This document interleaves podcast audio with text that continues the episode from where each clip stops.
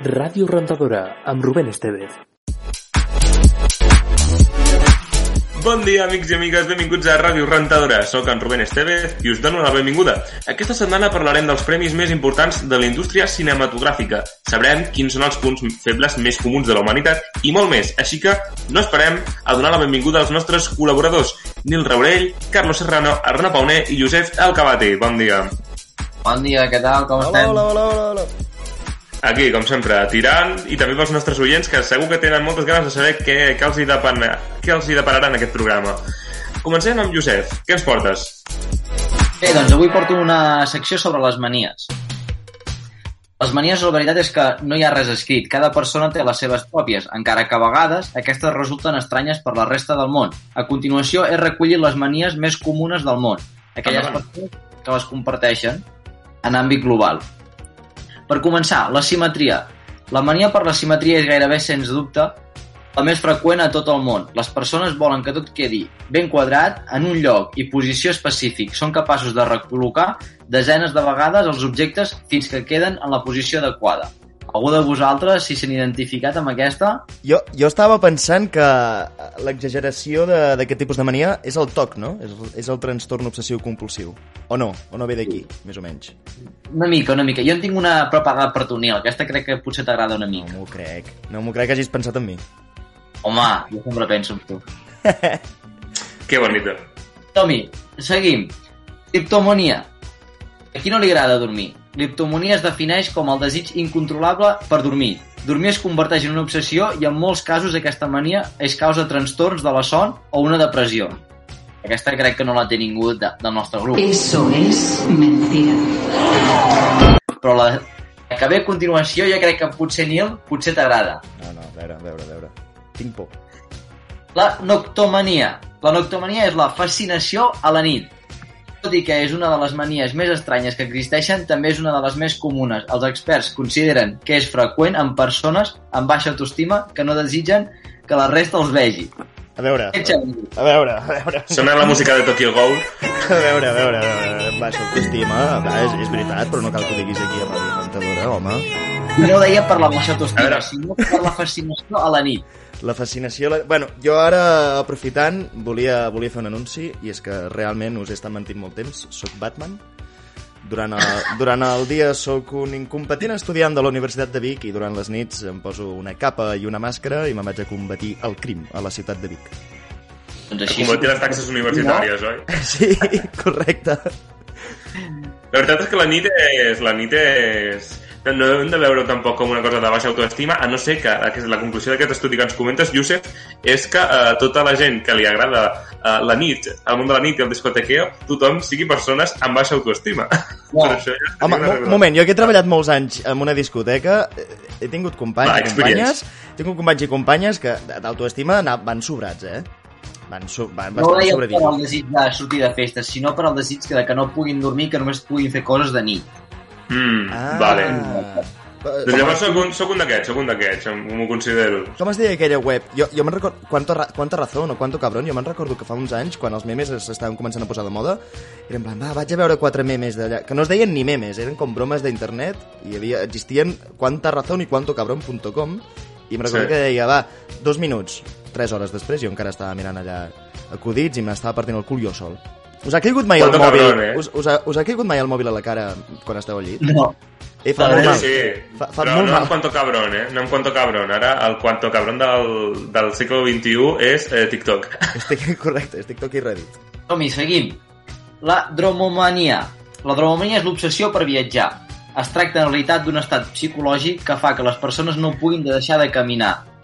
La seva rutina a vegades sense explicació i viatgen a grans distàncies, a vegades sense rumb clar.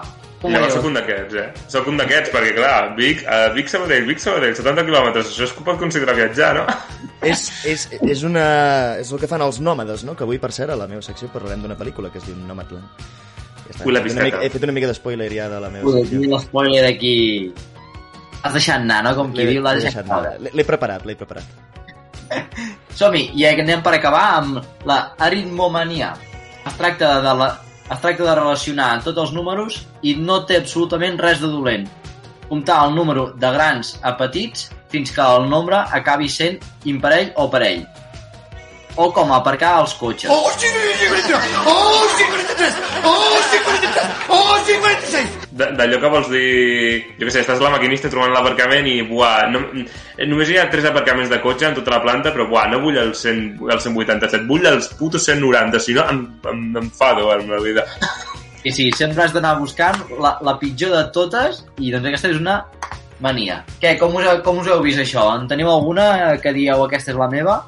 Uh, jo no em sento gaire identificat, la veritat. Bueno, amb, el de la nit, amb la de la nit, va, t'ho diré. La de la nit. Jo amb aquesta última està bé, perquè, per exemple, mm, si, els, si hi ha molts productes d'un euro, el paqui serà por algo, perquè ens agraden els números rodons. Eh, Me'n recordo un estudi que es va fer anys de que si es feia, hi havia gent, més, gent, més gent que ho agafava a un euro que no a 0 amb 99, per dir-te alguna cosa. Ah, sí? Va, O perquè... sigui, la gent, i és, és així de, de... Com era aquesta última que havies dit, Josep? La. Doncs la ritmonia aquesta. La mania. Gràcies, Josep, per encuriosir-nos. Anem a per Nil, que ens farà un recull de tot el que va passar ahir als Premis Òscar. Un esdeveniment que es realitza per 93a vegada. Això ho he... Sí, efectivament, ho he, ho he buscat al Google. Nil, què ens portes? Nomadland, per exemple, ha sigut la gran guanyadora, no?, d'aquest- d'aquesta edició. Sí, però un moment, espera, no facis spoiler encara, no facis spoiler. De, de, de Ai, bueno, hi, ha, hi ha moltes categories, home. N'hi ha, n'hi ha moltes, n'hi ha moltes, però Nomadland ha sigut una de les més importants. Ara veurem per què. Abans d'entrar en els premis en si, no, que al cap i a la fi és el més important, hi ha, hi ha algunes edicions que sempre sembla com que els premis es queden opacats per altres polèmiques que hi ha. Me'n recordo fa uns anys que tota la comunitat d'actors i actrius i, i, gent, i professionals negres eh, me- me'n recordo que estaven com super enfadats perquè la gent del seu col·lectiu, diguem, no, no, no, es va, no van ser inclosos dintre, dintre les nominacions. Però resulta que aquest any ho han fet tot bé i ningú s'ha queixat. La qual cosa em sembla espectacular. Per tant, podem parlar obertament dels premis, que al cap i a la fi és el més important. Però bueno, la qüestió és que aquest any ha sigut molt diferent.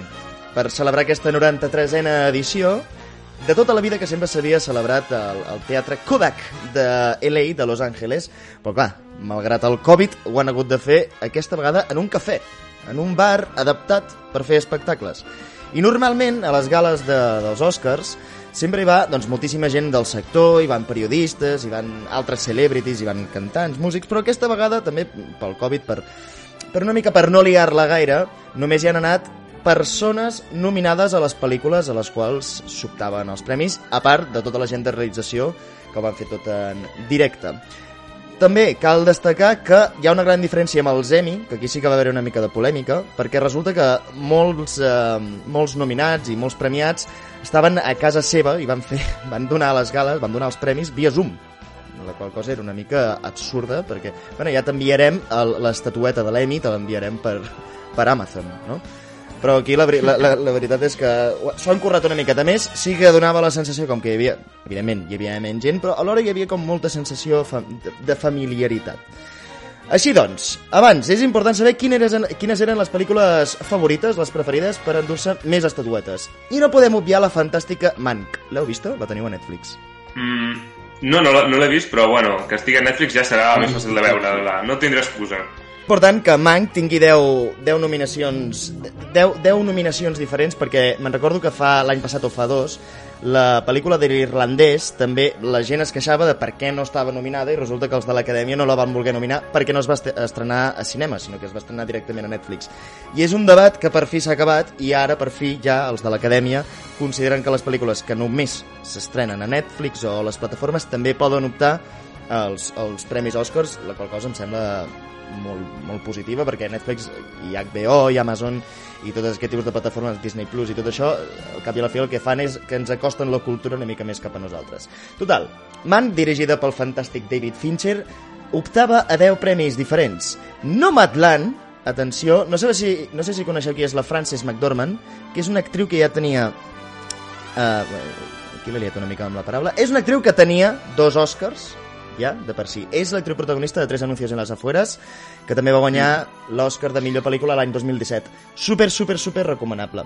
I El Padre, amb un estel·lar Anthony Hopkins, o propostes tan interessants com l'última de Pixar, Soul, que també us la recomano, i diria que la podeu trobar a Disney Plus, o Disney Plus.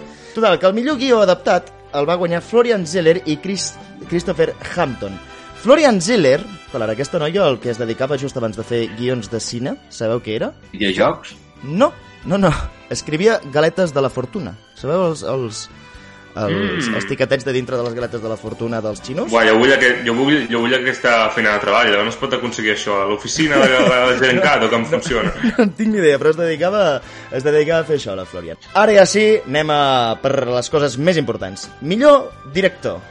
Teníem Thomas Winterberg per Another Round, altra ronda, David Fincher per Mank, jo és que sóc un enamorat de David Fincher, hauria d'haver guanyat ell, no passa res. Serem, intentarem ser el màxim objectius que podem. David Fincher per Mank, Lee Isaac Chung per Minari, Chloe Zhao per Nomadland i Emerald Fennell per Una joven prometedora. I va guanyar, per segona vegada a la història dels Oscars, una dona. Va guanyar Chloe Zhao per Nomadland, que a més a més és estrangera, és Xina. I no sabeu la que s'ha liat a Xina I, i la, que, i la que li han censurat perquè Sí, sí, bàsicament sí, li han sí. donat un premi Yankee. O sigui, Sí. eh, espectacular. Bueno, ja sab, tots sabem i coneixem de sobres que Xina és una perfecta democràcia. És, és, una, és una democràcia eh, de- de- d'aquelles que, que, bueno, que aquí a Espanya bueno, hauria, hauria, Que per tenir no tenen ni el WhatsApp 2. Us recordo que l'altra l'altra dona que va guanyar aquest, aquest Oscar va ser la Catherine Bigelow, la directora de de Zero Dark Thirty o aquella, aquella pel·lícula d'en Jeremy Renner que es, desacti- que es dedicava la... En Tierra Hostil, en Tierra Hostil. Actriu protagonista. Teníem la Viola Davis, per la madre del blues, Andra Day, per Los Estados Unidos contra Billie Holiday, Vanessa Kirby per Fragmentos de una mujer, Frances McDormand per Nomadland i Kerry Mulligan per Una joven prometedora. Aquesta pel·lícula, Una joven prometedora, segurament us heu fixat que ha sortit diverses vegades. No l'he vista, però té bastanta bona pinta, sobretot amb què a, a guió i argument eh, sembla. Total, Té bones crítiques. Té, té bones crítiques, correcte. Ha guanyat la Frances McDormand. És el, la tercera estatueta que s'emporta aquesta actriu. Es deixen fer, eh? Aquelles pel·lícules que no us espereu aquí anar a veure Els Vengadores 6.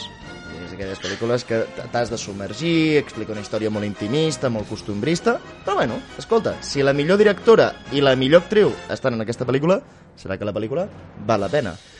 Ara sí, les dues últimes. Millor actor protagonista i millor pel·lícula. Millor actor protagonista teníem Riz Ahmed per Sound of Metal. És curiós perquè poques vegades eh, gent del, de, musulmans eh, se'ls se nomina. Se'ls nomina per aquest tipus de premi. No sé si és per un tema polític o és perquè bàsicament es fan poques nominacions a, a musulmans. Anthony Hopkins, el genial Anthony Hopkins, que no sé com encara està viu aquest home, no sé quants anys deu tenir, 98. Chadwick Boseman, que Chadwick Bo- Boseman us recordo que és l'actor de Black Panther, que va morir l'any passat per un càncer, que optava, optava a un premi pòstum, com Heath Ledger. Gary Oldman per Mank o Steven Yeun per Minari. I se l'han portat, tothom deia que guanyaria Chadwick Boseman perquè quan es mor un actor normalment moltes vegades el premi, els premis pòstums eh, se'ls hi sol donar. Però la veritat és que aquesta vegada ha guanyat Anthony Hopkins per El Padre, una pel·lícula que pinta bastant bona, la història d'un pare que comença a tenir problemes mentals, no sap comença a no, a no reconèixer la gent, la família no sap com tractar-lo, una història d'aquelles fortes, potents, que et piquen directament al cocoro. I millor pel·lícula, teníem unes quantes nominacions i són El Padre, Judas and the Black Messiah, Mank, Minari, Nomadland, Una joven prometedora, Sound of Metal i El juicio del 7 de Chicago. I la millor pel·lícula va ser Nomadland, la que també va ser la premiada per millor direcció i millor actriu. Doncs bé, uh, moltes gràcies, Nil, per informar-nos del sèptim art. I ara anem a Baran Carlos, que avui ens parlarà de videojocs.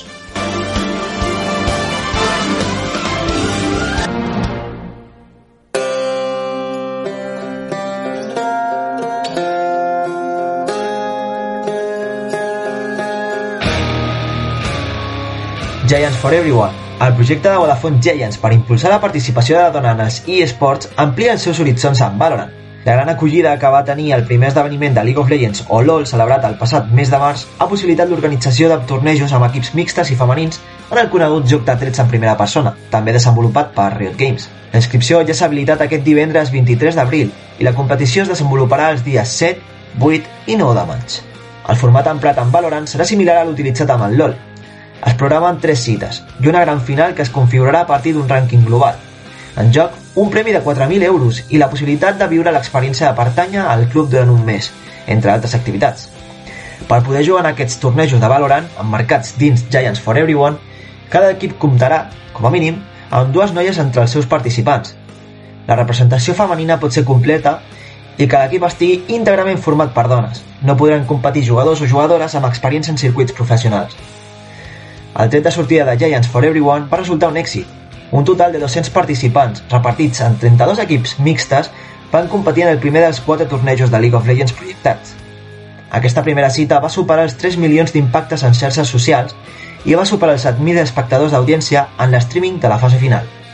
Ara li arriba el torn a l'Acadèmia de les Arts i Ciències Interactives, la AIAS per les seves sigles en anglès. Ha anunciat els guanyadors del DIU Awards 2021, un nom que segurament us sigui més familiar. I també una gala que ha premiat a Hades com el millor joc de tot el 2020, el GOTY 2020, per anar en plata. Hades lidera també amb 5 premis en total. Si bé els jocs amb més nominacions eren The Last of Us 2 i Ghost of Tsushima, al final ha estat el roguelite de Supergiant Games que s'ha portat el gat a l'aigua, o en aquest cas, el premi a les seves oficines. Això no vol dir que els altres títols hagin estat exempts de premis, és clar.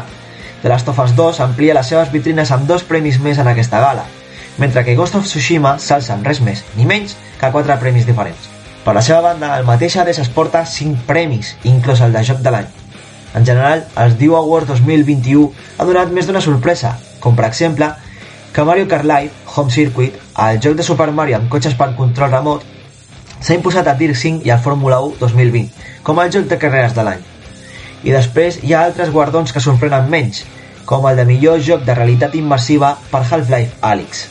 Si no coneixeu el videojoc Hades, deixeu-me que us faci una petita sinopsi. Els jugadors controlen a Sagreus, el fill d'Hades, mentre intenta escapar de l'inframón per arribar al món Olimp, de vegades amb l'ajuda dels obsequis que li otorguen els altres olímpics. Cada carrera desafia el jugador a través d'una sèrie aleatòria d'habitacions poblades d'enemics i recompenses. I el jugador fa servir una combinació del seu atac d'arma principal, poder de carrera i habilitat màgica per derrotar aquests enemics mentre evitar el dany per progressar el més lluny possible. Si bé Zagreus sovint morirà, el jugador pot fer servir el tresor guanyat per millorar certs atributs o desbloquejar noves armes i habilitats per millorar les possibilitats d'escapar en carreres posteriors. Jo aquest joc l'he jugat i sincerament dona gust provar-ho i us ho recomano molt. A mi em va encantar des del primer moment que el vaig jugar i tremenda viciada me metí, por cierto.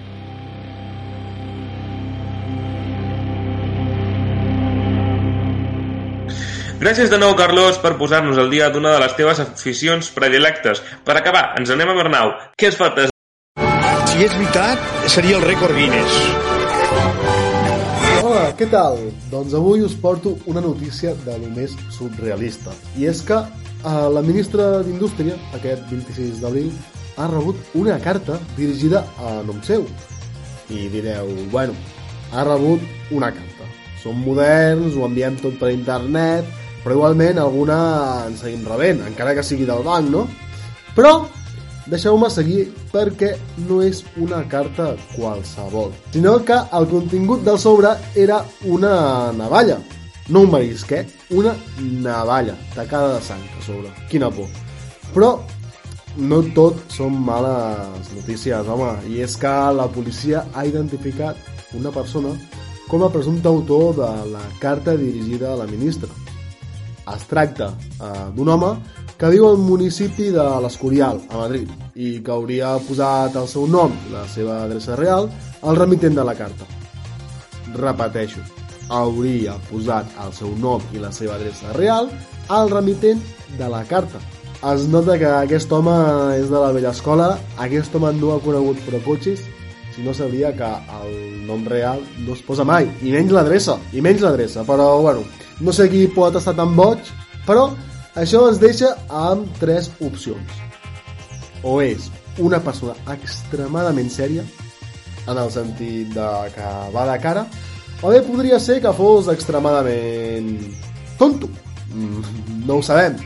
O també pot ser que al final sigui un veí molt cabron, que n'hi ha molts, eh? Que n'hi ha molts, però bueno, aquí respectem la presumpció d'innocència. Vinga ja. I bueno, doncs això és tot. Uh, tingueu cuidado amb les cartes que us arriben a cara a partir d'ara i suposo que per les següents uh, notícies doncs anirem veient com acaba el tema.